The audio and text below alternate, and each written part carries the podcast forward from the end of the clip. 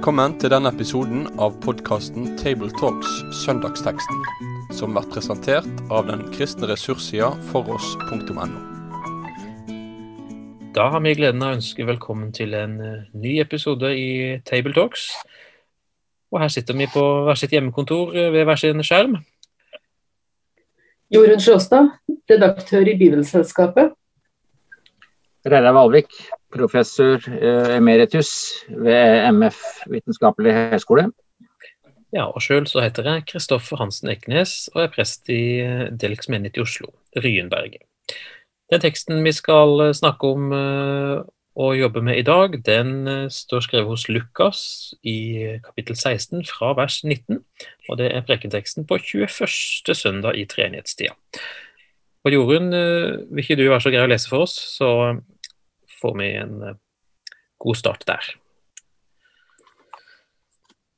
Det var en rik mann som kledde seg i purpur og fineste lin, og levde i fest og luksus dag etter dag.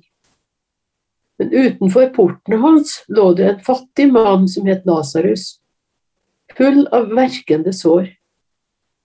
Han ønsket bare å få mette seg med det som falt fra den rikes bord. Hundene kom til og med og slikket sårene hans. Så døde den fattige, og englene bar ham til Abrahams fang. Den rike døde også og ble begravet. Da han slo øynene opp i dødsriket, der han var i pine, så han Abraham langt borte og av Lasarus tett inntil ham.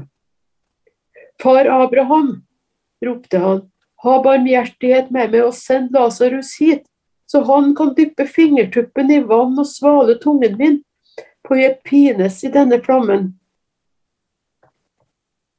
Men Abraham svarte, Husk, mitt barn, at du fikk alt det gode mens du levde, og Lasarus fikk det vonde.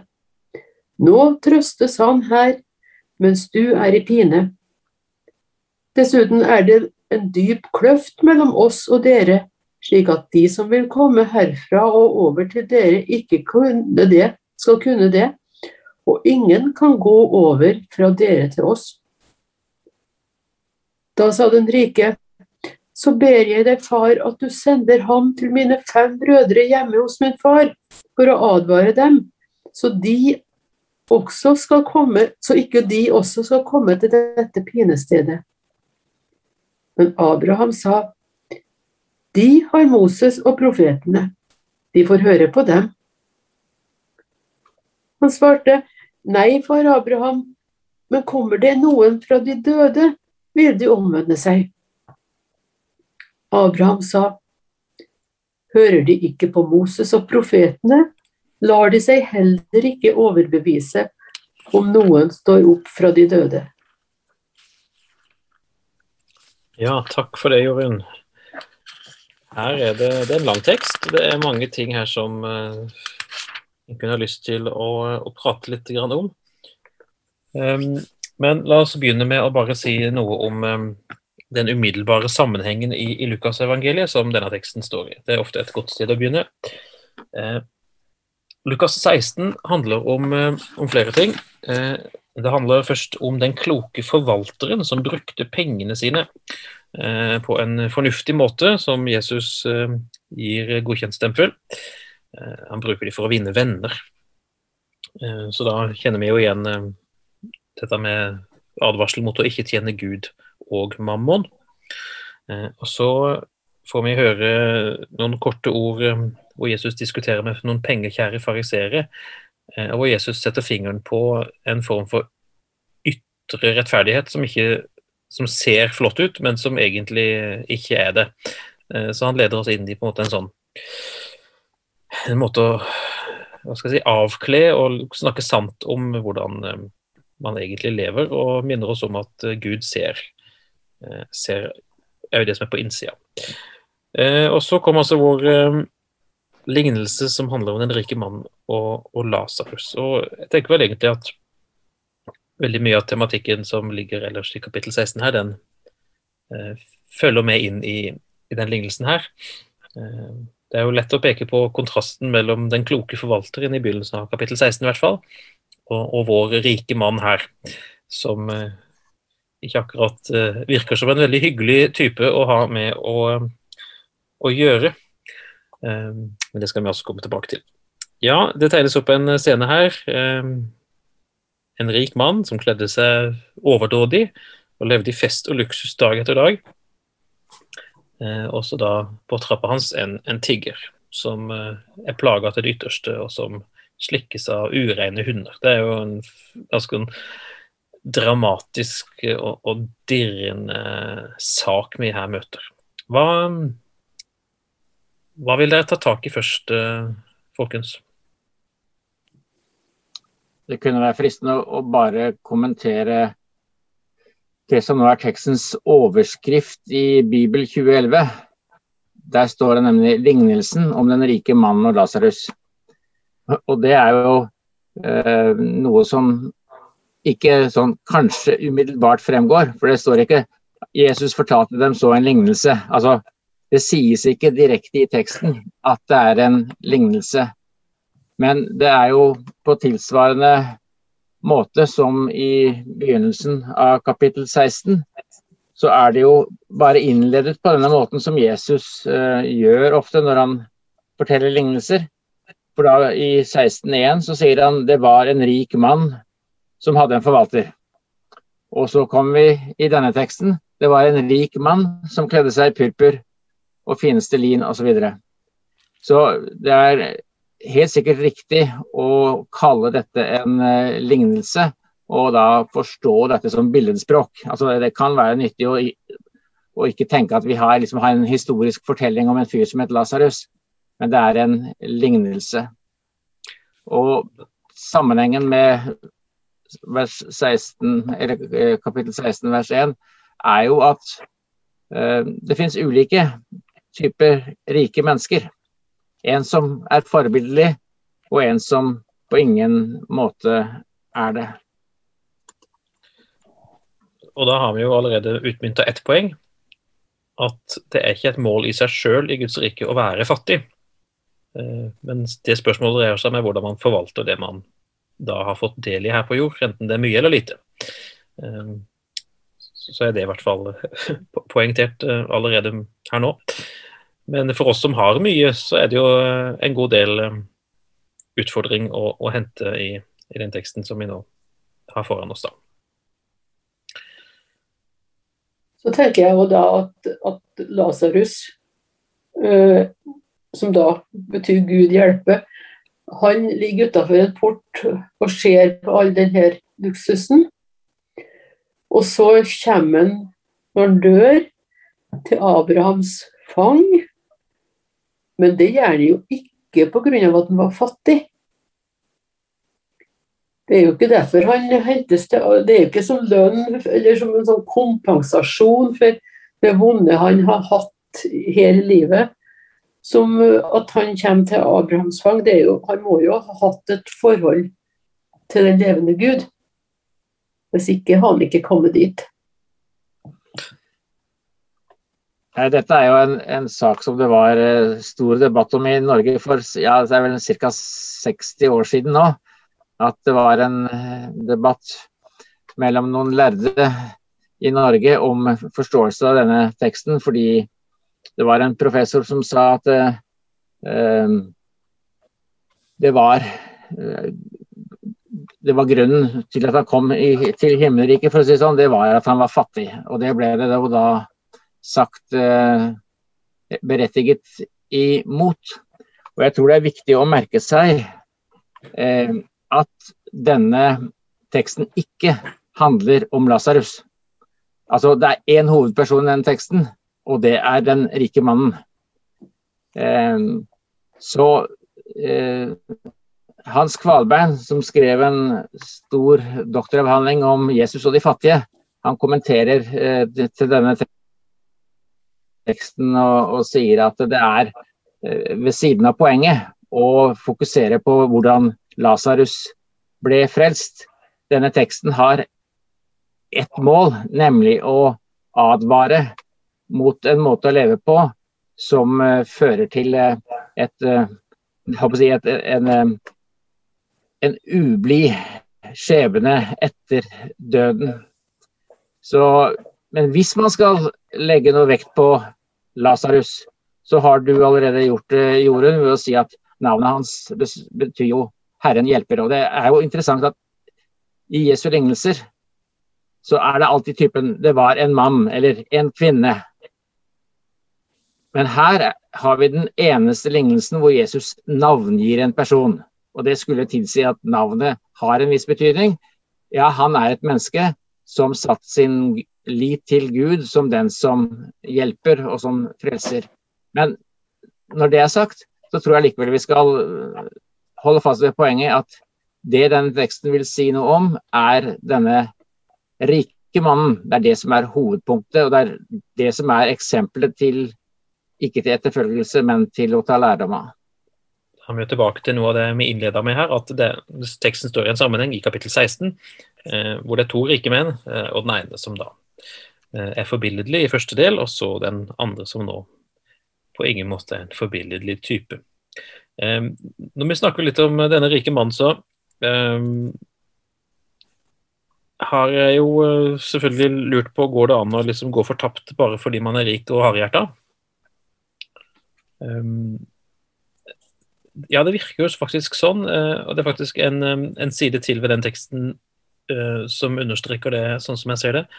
Hvis vi skal være forsiktige med å lese for mye inn i detaljene i en lignelse, da, men jeg har lagt merke til at Abraham og den rike mannen i dialogen de har fra vers 24, så tiltaler mannen Abraham som far.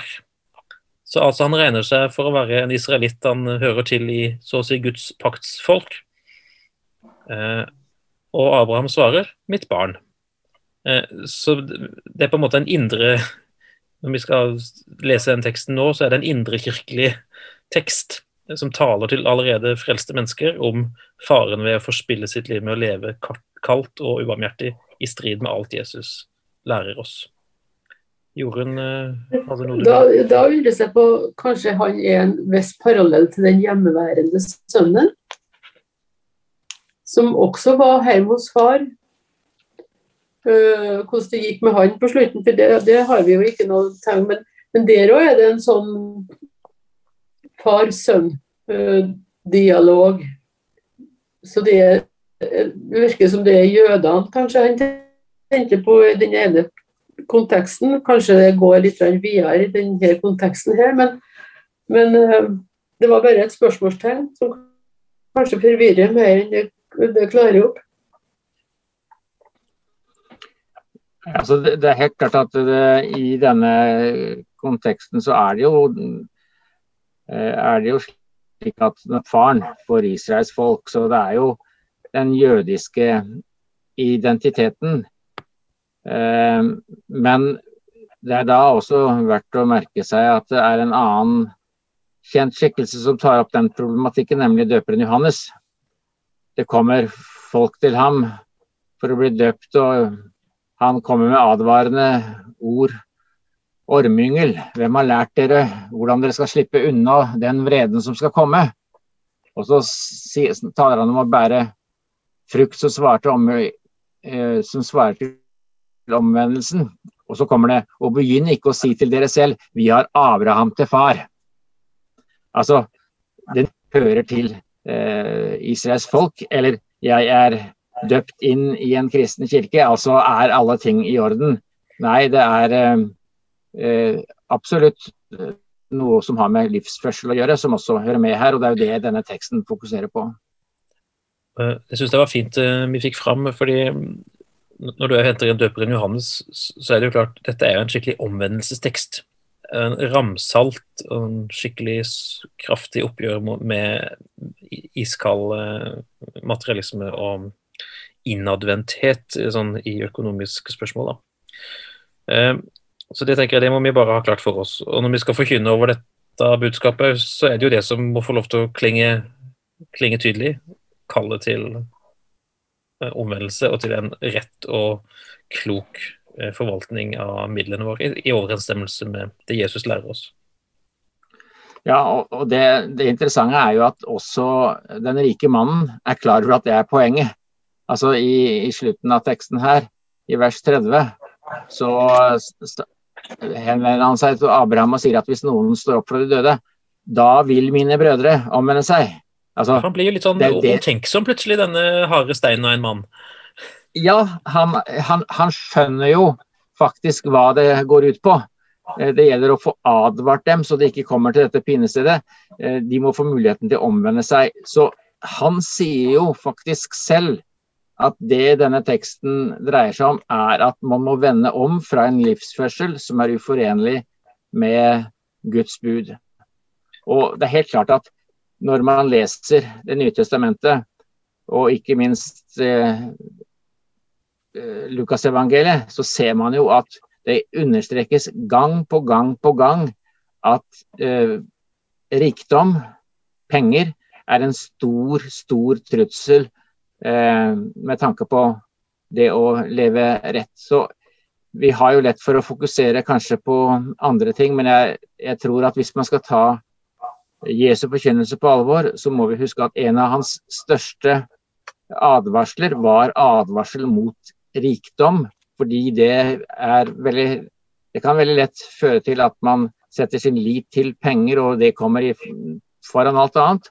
Og det kan altså føre til at mennesker går fortapt. Det er en kirkefader som skrev en, en tekst en gang som hadde tittelen 'Kan en rik bli frelst?' Eh, fordi han hadde sett i Det nye testamentet at Jesus jo så sterkt advarer mot rikdommen. Og det er klart at vi, noen av de mest privilegerte mennesker i verden her i Norge, vi bør ta denne teksten til oss i, høy, altså i stor grad fordi den, den eh, har et budskap til oss. Den avspeiler jo òg en, en viss egoisme hos denne uh, rike mannen.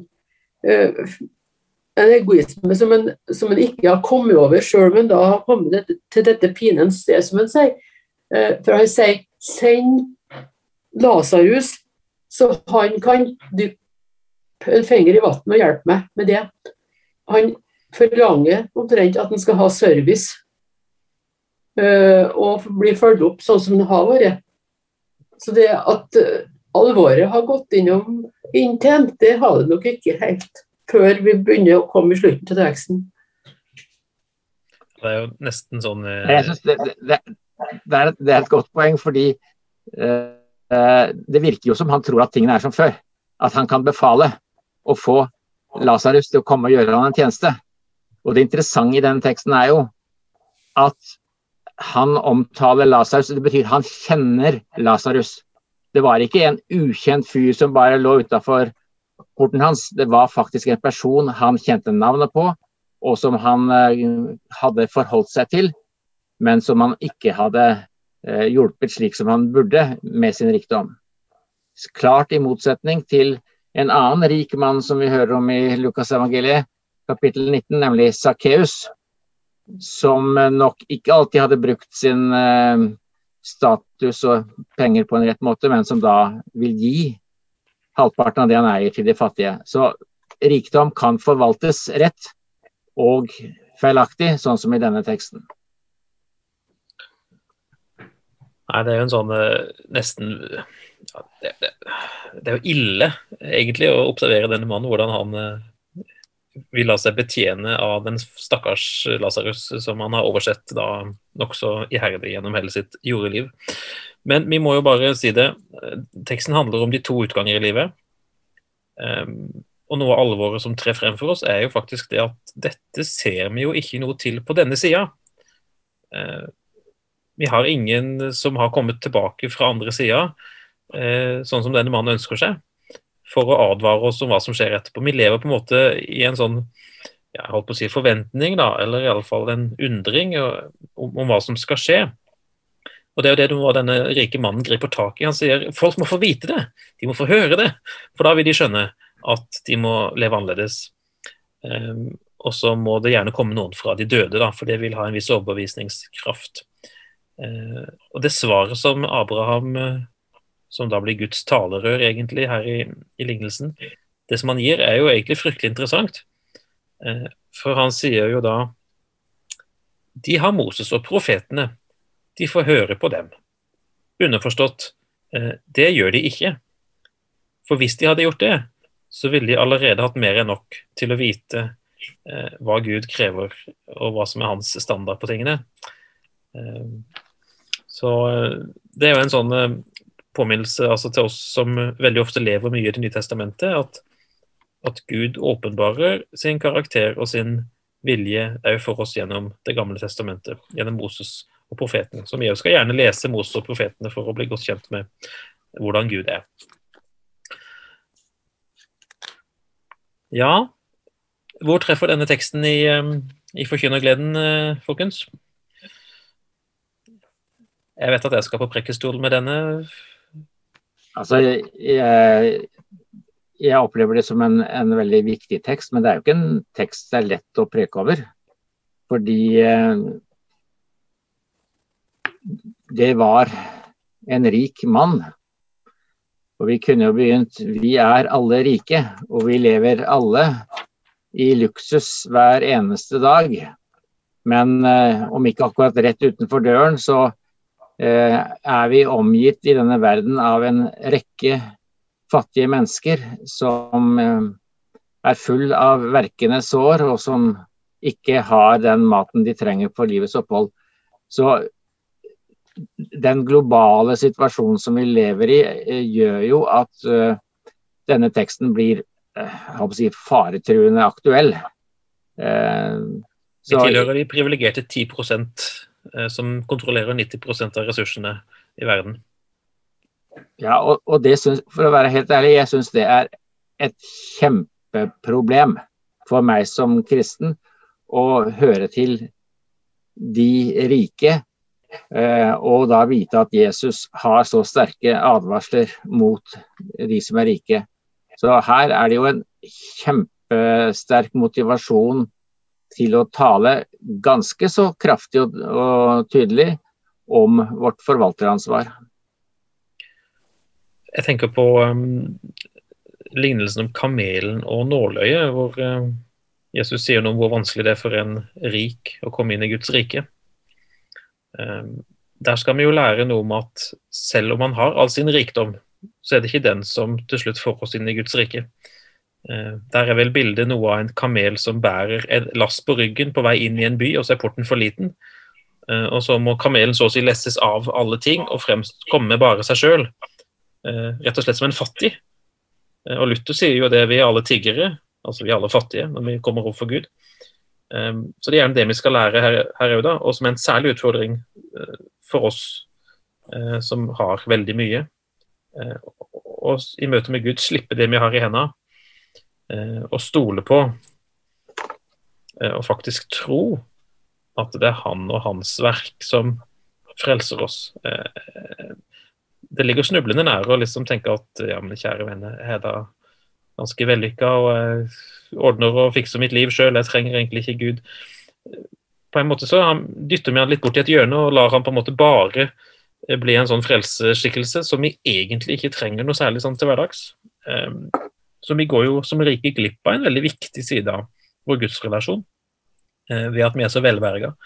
Jeg skal ikke forherlige fattigdom, for jeg kjenner mange nok som sliter under veldig mye trangere kår enn oss. Men det er et eller annet med hvordan evangeliet møter oss eh, som en gave og en redning. Eh, når du har navnet Gud hjelper, eh, så har det noe med den situasjonen du opplever at du er i. Eh, at du virkelig trenger den hjelpa som Gud kan gi. Eh, og det kan noen ganger for oss sitte litt langt inne å få tak i. Eh, syns jeg at jeg kan erfare. På mange vis er det jo her en, en, en vekkelsestekst som mange har, har, vil ha, brukt. Uh, og alvoret er jo Det er jo et rystende domsaspekt i denne teksten som vi kanskje vanskelig tar inn over oss. fordi at når vi møter sånne tekster, så, så er det fort gjort å bli litt litt for evangelisk, tenker jeg.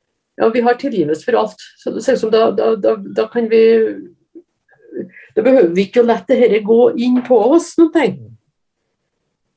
men, men, da tenker jeg at da, da burde vi kanskje bare utvide det som står i vers 29, der Abraham sier de har Moses og profetene, og hele Det nye testamentet. Hør på det. For det er, det er den vekkelsestalen vi kommer til å få høre, og det er den vi trenger.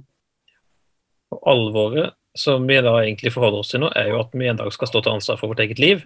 Eh, og om en skal tenke seg scenen så bokstavelig som den her skildrer, hvor vi skal få se alle våre lidende søstre og brødre, eh, det, det, kan vi kanskje ikke se for oss. Men overfor Gud skal vi stå til ansvar for eh, våre gode og dårlige valg i livet, og hvordan vi har prioritert. Og det er jo et alvor som skal få lov til å påvirke oss. Ja, jeg tror vi gjør klokt i å huske på at dette er en lignelse, og det betyr at det er bilder vi har. Så, så akkurat denne skildringen av dødsriket og en kløft mellom de urettferdige og de rettferdige, det, det må vi bare ta som et uh, bilde. Men realiteten er jo klar. livet har to utganger.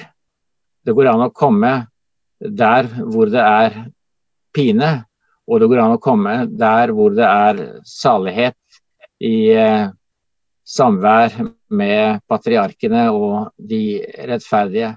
Og Det er klart at det der er jo et budskap som sjelden uh, lyder i norsk kirkeliv i dag. Det er veldig få som tør å snakke om eh, denne muligheten. Men hvis vi skal være tro mot Jesu ord, Eh, så er, det ikke bare å si at ja, dette er bare et bilde. Ja, det er et bilde, men realiteten er veldig, veldig klar. Så jeg tenker jo at eh, hvis man ser på denne teksten sånn uh, som helhet, så er det iallfall fire punkter som uh, vi må ha med oss. For det første er dette en, en tekst som sier noe om hvordan vi skal behandle mennesker som er i nød, vi som er rike. Og for det andre så er det en sterk påminnelse om hva konsekvensene kan være eh, hvis man er hardhjertet og ubarmhjertig. Og for det tredje så sier denne teksten veldig klart at dødens og dommens eh, eh, Det som skjer etter døden, det, det, er endelig. Det kan ikke gjøres om. Altså, det er nå i livet man har mulighet til å vende om, ikke senere. Og så kommer det siste punktet, at det, det er Skriftens ord som må overbevise mennesker. For man lar seg neppe overbevise av eh, noe, noen form for mirakel. Eh, her er det ordet som skal eh, mane oss til en rett eh, livsførsel. Så tenker jeg en ting som kanskje går litt utenpå, utenfor, eller parallelt med det du sier, det er det at når vi leser denne lignelsen, eh, så skal vi huske på at eh, Gud var like glad i Lasarus som han var i den rike mannen. Eh, han har, begge, har, gitt begge muligheten, men den muligheten var det en som misbrukte før døden kom. Så det at uh, ikke Gud var glad i, i den uh, rike mannen, det, det, er ikke sant. Han var like glad i den rike mannen som han var i Lasarus. Og Det må vi jo huske på når vi skal forkynne over en sånn tekst, at det ikke, her er det ikke helten og skurken. Det er to som er like i Guds øyne, men de har forskjellige utgangspunkt. Rent uh, livskår, levekårsvis. Men begge er elska av Gud. Jeg tenker Vi har en fin uh, oppsummering av, og, og, avslutning i det. Vi må snart gå inn for landing.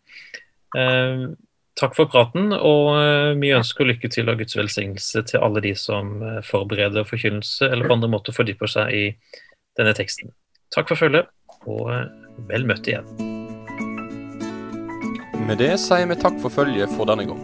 Finn flere ressurser, og vær gjerne med å støtte oss på foross.no.